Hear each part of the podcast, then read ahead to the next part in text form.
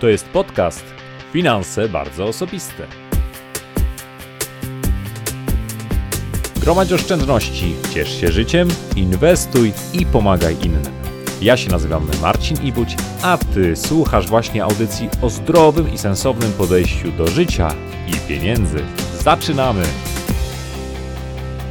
Cześć, witam Was bardzo serdecznie i zapraszam Was gorąco na wtorek z finansami. Dzisiaj mam taki luźniejszy trochę temat na temat naszych przekonań związanych z finansami, ale to wcale nie znaczy, że mniej ważny.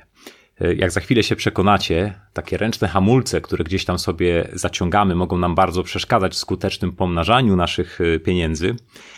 Ale faktem jest również to, że ponieważ każdego dnia co rano siedzę i piszę książkę o inwestowaniu, no to troszeczkę tak odkładam tematy inwestycyjne na później, na czas, kiedy już skończę pisanie książki. Kiedy to będzie? Słuchajcie, myślę, że w pierwszym lub najpóźniej w drugim tygodniu e, marca zrobimy sobie wtorek z finansami, w którym będę mógł Wam pokazać już rękopis, wydrukowaną książkę gotową, bo tam już naprawdę ostatnie szlify trwają i wtedy opowiem dokładnie, co w niej jest, i potem krok po kroku zaczniemy poruszać więcej tych tematów inwestycyjnych, ale na razie te wtorki z finansami to jest dla mnie taka super odskocznia. To, to spotkanie z wami od tej takiej codziennej rutyny po kilka godzin pisania tej książki. Więc yy, cieszę się bardzo, że mogę w tym czasie również poruszać inne tematy, które są moim zdaniem również bardzo, bardzo ważne.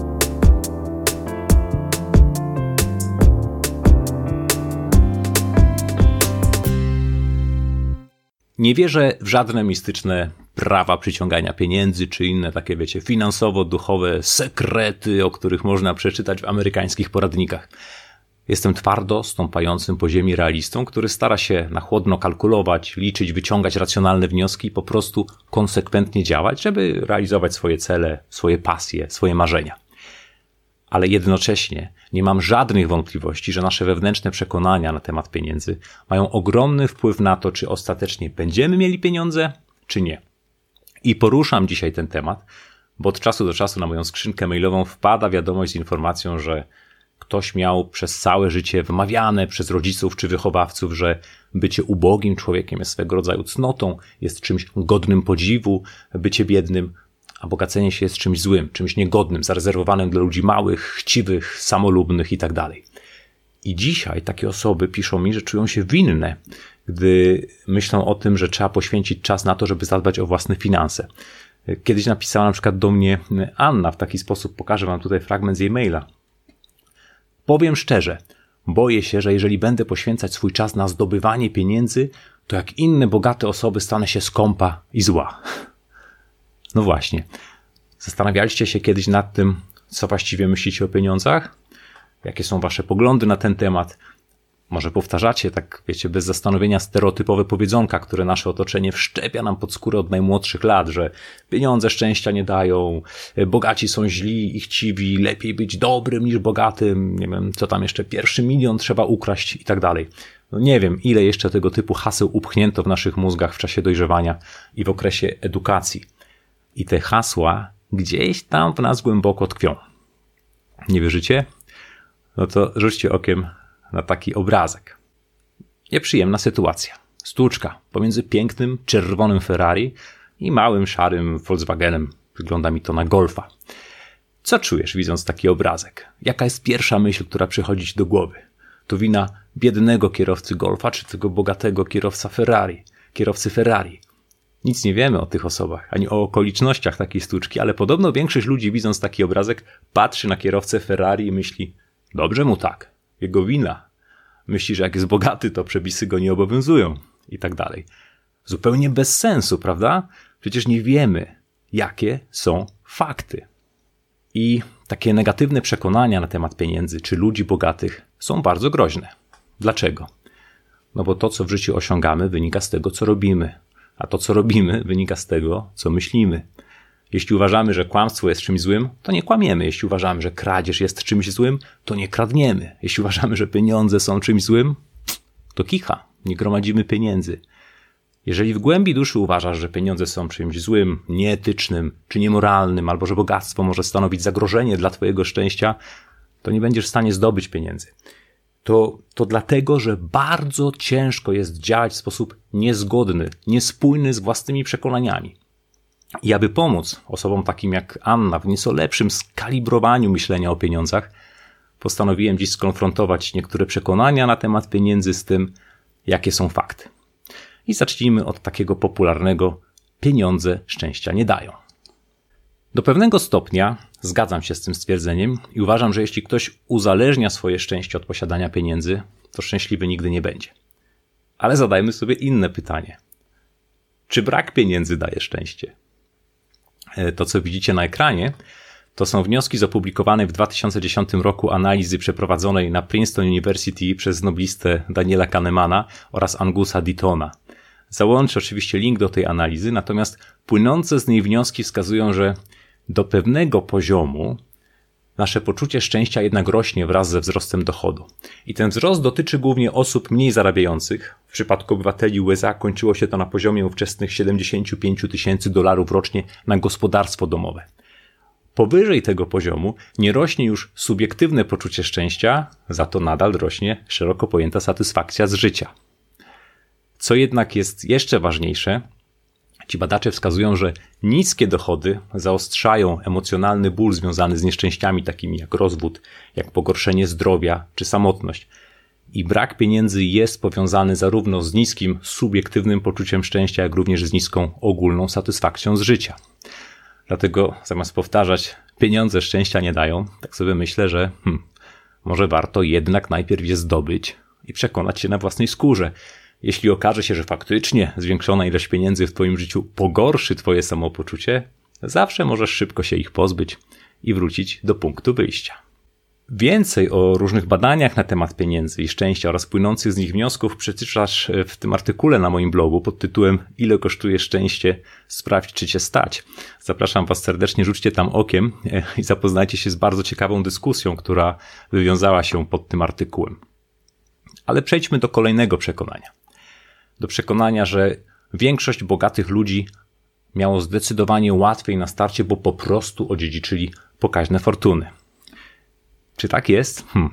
Czytając raport, który widzicie teraz na ekranie, e, pod tytułem Ultra Wealthy Population Analysis, czyli taki po prostu ra raport na temat ludzi bogatych e, ze września 2019 roku. Ten raport mówi nam, że w tym czasie na świecie żyło 265 490 osób z majątkiem o wartości co najmniej 30 milionów dolarów. I w grupie tych osób takie były źródła ich majątku. Tylko 8,5% faktycznie odziedziczyło ten majątek. 23,7% to byli tacy ludzie, którzy częściowo odziedziczyli, ale wielokrotnie ten majątek pomnożyli, natomiast aż 67% to byli tak zwani self-made millionaires, czyli ludzie, którzy zaczynali od zera, którzy samodzielnie tak naprawdę doszli do, e, do tych swoich majątków. No i mógłbym tak dalej pokazywać różne badania, które z racji moich zainteresowań od czasu do czasu sobie czytam.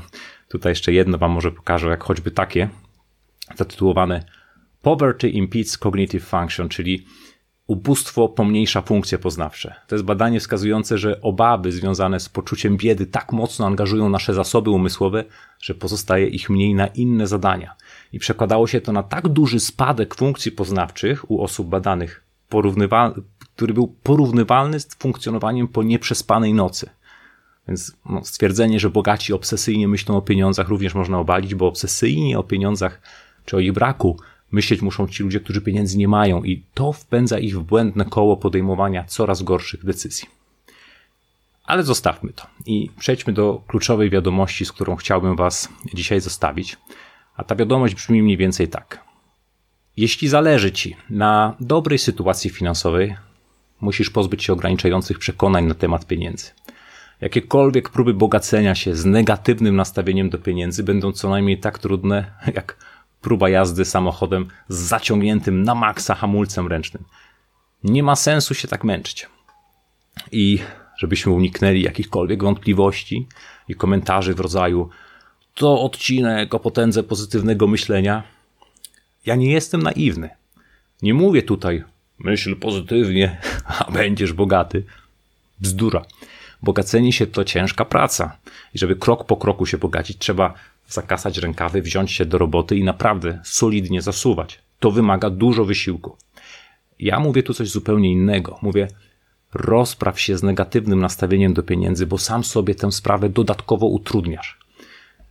I przygotowując się do dzisiejszego odcinka, sięgnąłem do swoich własnych notatek z 2009 roku, gdy byłem w kiepskiej sytuacji finansowej, no ale wtedy mniej więcej podjąłem decyzję, że mam dość życia w długach i chcę być finansowo wolnym człowiekiem.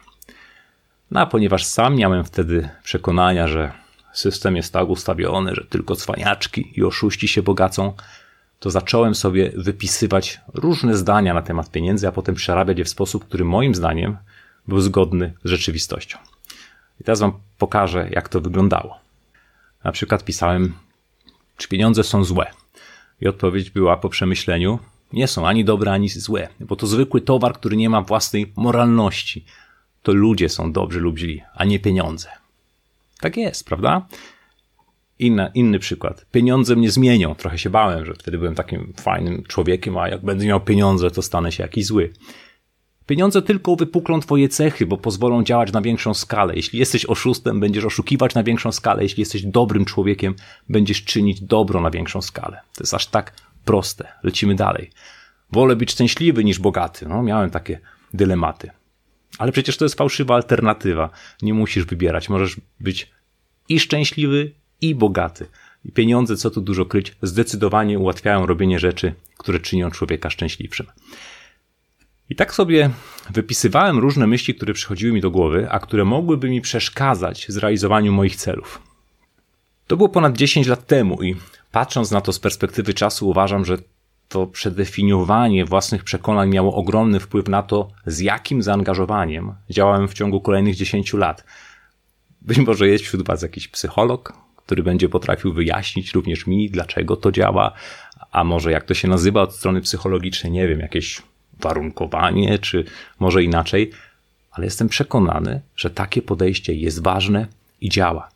I właśnie dlatego zachęcam Was bardzo serdecznie, żebyście przemyśleli, czy przypadkiem w Waszym podejściu do pieniędzy nie ma czegoś, co Was ogranicza. Nie ma takiego ręcznego hamulca. Może, może opinia dziadka, że pieniądz to samo zło, może stwierdzenie szwagra bankruta, że tylko oszuści się bogacą, a może jakieś inne myśli, które są tym zaciągniętym ręcznym hamulcem. Zastąpcie takie przekonanie czymś bardziej konstruktywnym, bo to zdecydowanie pomaga w realizacji finansowych celów. Chciałbym Wam jeszcze pokazać ważną listę. Ponieważ siłą rzeczy na tych naszych spotkaniach opowiadam o pieniądzach, o finansach, możecie odnieść wrażenie, że to właśnie one są dla mnie najważniejszą sprawą w życiu. Ale ja już dawno z ogromnej listy pomysłów na życie, celów do zrealizowania ambicji i różnych pragnień wyłoniłem pięć podstawowych obszarów życia, których pragnę osiągnąć sukces. Jak one wyglądają? Te obszary w kolejności od najważniejszego do, do najmniej ważnego są następujące. Po pierwsze, miłość, rodzina i relacje, czyli szczęśliwe małżeństwo, doskonałe relacje z dziećmi, dbanie o moich przyjaciół i pomoc potrzebującym. Drugi punkt, zdrowie i sprawność. To zdrowa dieta, kilka treningów w tygodniu, regularne badania lekarskie, bo na nic dadzą się inne rzeczy, no, kiedy zdrowie szwankuje. Trzeci punkt. Sukces w biznesie. To jest zarabianie na mojej finansowej pasji, połączenie z pomaganiem innym ludziom w pozbyciu się długów i bogaceniu się, żeby zamiast myśleć o braku pieniędzy, mogli swobodnie realizować swoje pasje i swoje marzenia. Czwarty punkt to są podróże i przygody, bo oprócz relacji z innymi, to właśnie wspomnienia wspaniałych przeżyć, które zostaną mi w głowie, są również jednym z moich celów i to wiecie, bo czasami gdzieś tam o jakichś podróżach wspominam. Nazywam to taką moją inwestycją w doświadczenia. I dopiero na piątym miejscu jest finansowa wolność, czyli wystarczający poziom dochodów z kapitału, który pozwala mi na pełną swobodę w decydowaniu, na co poświęcam swój czas. I ta kolejność, którą tu pokazałem, jest jednocześnie taką moją hierarchią wartości. W każdej z tych dziedzin staram się osiągnąć sukces, jednak pojawiają się sytuacje konfliktowe, w których trzeba wybierać, co robić, no to tak idąc od dołu, chętnie wydam pieniądze na fantastyczną przygodę lub podróż ale jak pójdziemy trochę wyżej, nie wyjadę w podróż, jeśli miałby na tym ucierpieć mój biznes, który tak bardzo lubię. Ale idziemy jeszcze do góry. Nie dopuszczam do takiego poziomu zapracowania się, żeby odbywało się to kosztem mojej kondycji, mojego zdrowia. Natomiast w ciemno poświęcę swoje zdrowie, a nawet życie, jeśli w ten sposób będę mógł pomóc moim najbliższym. Każdy z Was musi zdecydować, co jest e, dla niego ważne, jakie miejsce w hierarchii wartości będą miały u Was pieniądze. Mogę Wam tylko powiedzieć, że jestem dziś bardzo szczęśliwym człowiekiem. Zakochanym po uszy w żonie, z którą w tym roku będziemy obchodzić 16. rocznicę ślubu. Uwielbiam moje córki, 15 i 12 latkę, z którymi spędzam świadomie czas. W życiu nie byłem w lepszej formie fizycznej, a moja działalność biznesowa szybko się rozwija i robię to, co kocham. Do tego podróżuję po świecie, realizuję kolejne marzenia i pieniądze bardzo to wszystko ułatwiają. I właśnie dlatego staram się pomóc również Wam w wypracowaniu takiego zdrowego podejścia do pieniędzy. To tyle mojego wstępu. Dajcie znać w komentarzach, jakie jeszcze słyszycie wokół opinie i przekonania, które są takim ręcznym hamulcem przeszkadzającym w dbaniu o finanse. A teraz już przejdźmy do Waszych pytań.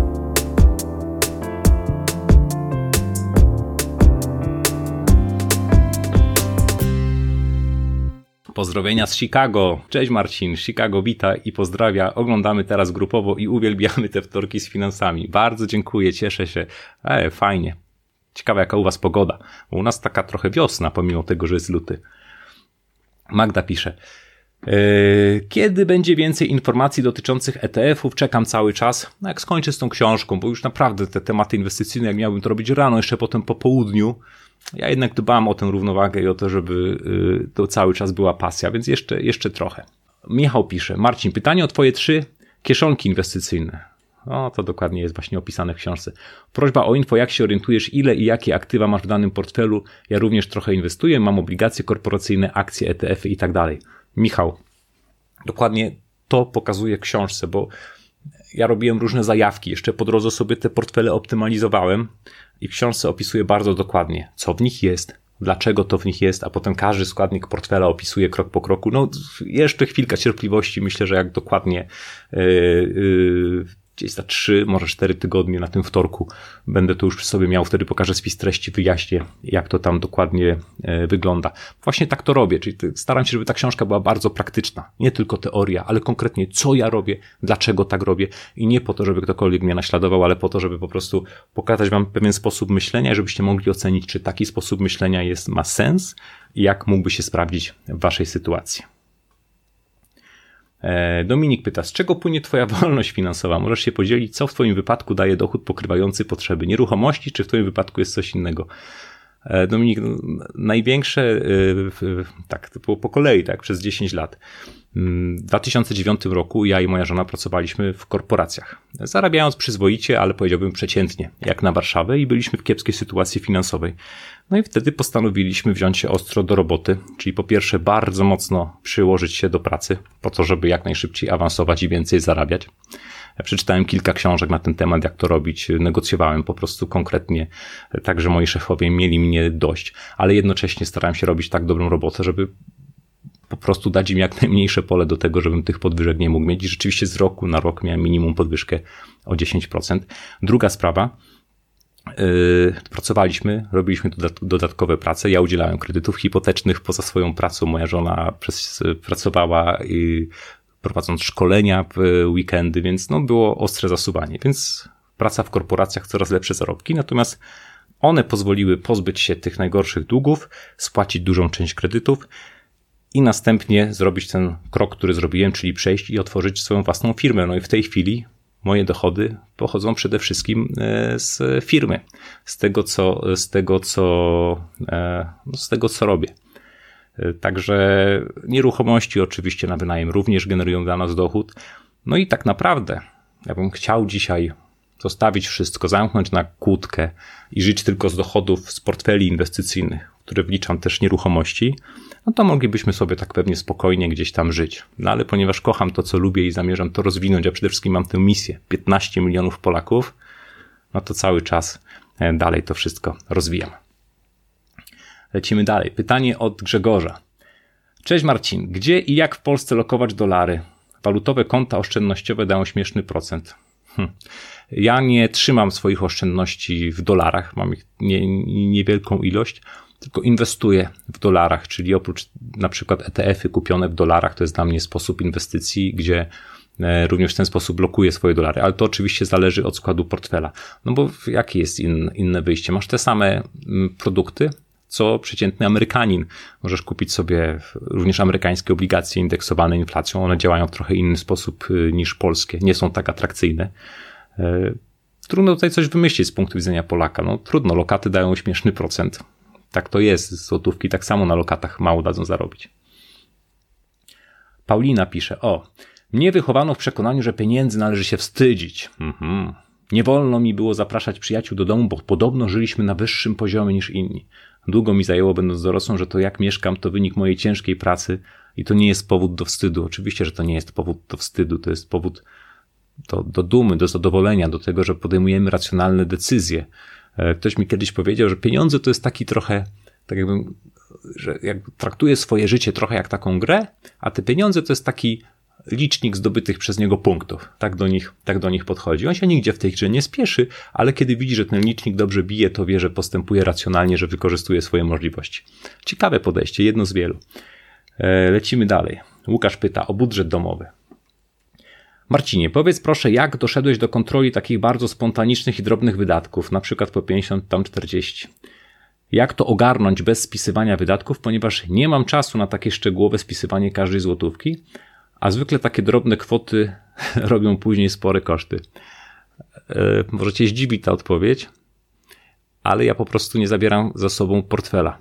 Na przykład e, teraz w weekend spędziłem kilka godzin jeżdżąc e, z moim kolegą na rowerach, na rowerach w parku kampinowskim i po prostu wziąłem ze sobą 20 złotych jakbym się chciał pić, czy coś takiego, a nie brałem żadnych kart, telefonów innych, żeby pieniędzy w głupi sposób nie wydawać. Jeżeli nie chcesz kontrolować tego ściśle, no to trzeba robić jakieś takie mechanizmy, które nas przed tym e, powstrzymają.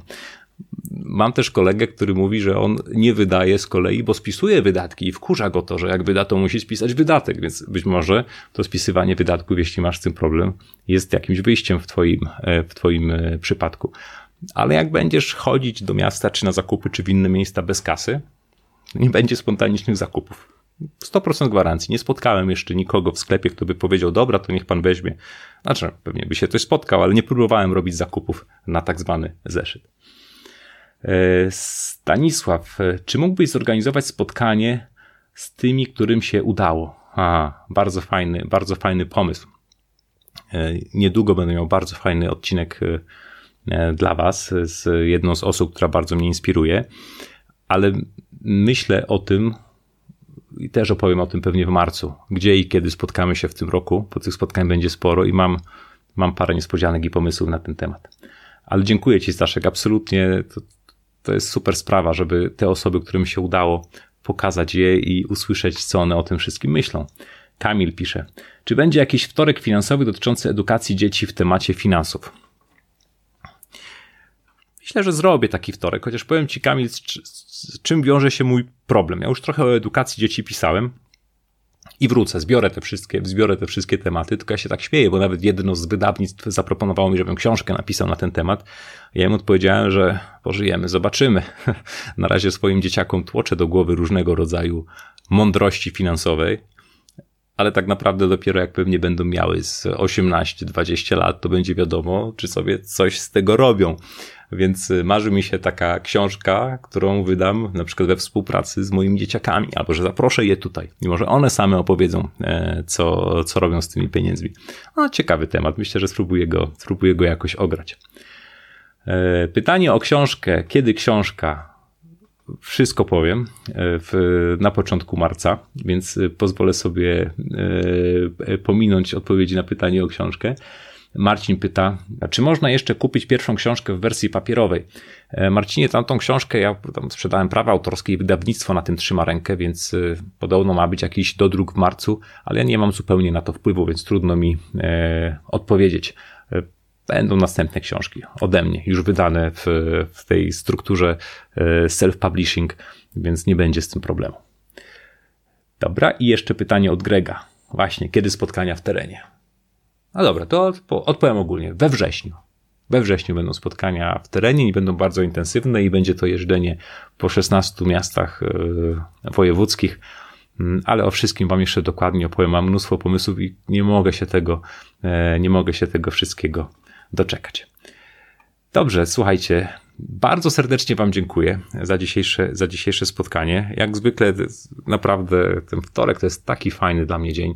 Budzę się, przypominam sobie, że jest wtorek i wtedy już, a fajnie, dzisiaj spotkam się z Wami i będziemy mogli sobie porozmawiać o finansach, a przy okazji przeczytać na przykład e, taką ciekawostkę, taką perełkę, jak ta, którą dostałem od Karoliny. Cześć Marcinie. Nigdy nie borykałam się ze spiralą długów, lata mijały, moja sytuacja finansowa się polepszała, a ja dryfowałam dość spokojnie, ale w zupełnie nieznanym i nieprzemyślanym kierunku. Wtedy trafiłam na Twoją książkę i blog i niebo się rozchmurzyło, a widok wyostrzył. Jakie piękne metafory. Na przestrzeni pięciu lat zbudowałam solidną poduszkę finansową, która dała mi 500% wzrostu jakości życia, pomogła zwalczać lęk i podniosła pewność siebie. Zawzięłam się na wcześniejszą spłatę kredytu frankowego, choć wcześniej nie przyszło mi na myśl, że w ogóle tak można. I regularnie wspieram też różne inicjatywy charytatywne, to dla mnie bardzo ważne. Chwaląc się, w 2019 roku wykorzystałem limit wpłat na IKE i IGZE, a 23 grudnia, 7 lat przed czasem, zleciłam dyspozycję ostatecznej spłaty kredytu hipotecznego we franku. Strzeliły korki szampana. Brawo Karolina, serdecznie gratuluję. Czuję się wolna i otwieram głowę na nowe wyzwania i pomysły na przyszłość. Podekscytowana opowiadam naokoło o nowych odkryciach w tej dziedzinie. Na przykład ja siostrze, siostra koleżanką z pracy i tak dalej. Kropla drąży skałę i malutkimi kroczkami dobra nowina dociera pod strzechy z wielkimi wyrazami szacunku, wdzięczności i sympatii. Karolina. Karolina, bardzo Ci dziękuję. To, to te wielkie wyrazy szacunku, wdzięczności i sympatii wędrują ode mnie do Ciebie. Bardzo Ci dziękuję, bardzo Ci gratuluję. No i co? Pieniądze szczęścia nie dają, nie? Nie warto. Po co się starać? Zobaczcie, jak fajnie, stosując proste, oparte na zdrowym rozsądku zasady postępowania z pieniędzmi, jak fajnie można zmienić swoje życie. Czuję się wolna, otwieram głowę na nowe wyzwania i pomysły na przyszłość. I o to po prostu w tym wszystkim chodzi. Dzięki serdeczne. Życzę Wam wspaniałego tygodnia. E, do usłyszenia, do zobaczenia e, za tydzień. E, zaglądajcie na YouTube'a, tam niedługo pojawi się film, e, który nagrałem z miliarderem Zbigniewem Jakubasem, bo na razie jest tylko esencja z wtorku z finansami, a wkrótce będzie też cały wywiad. A póki co, do zobaczenia w najbliższy wtorek. Cześć!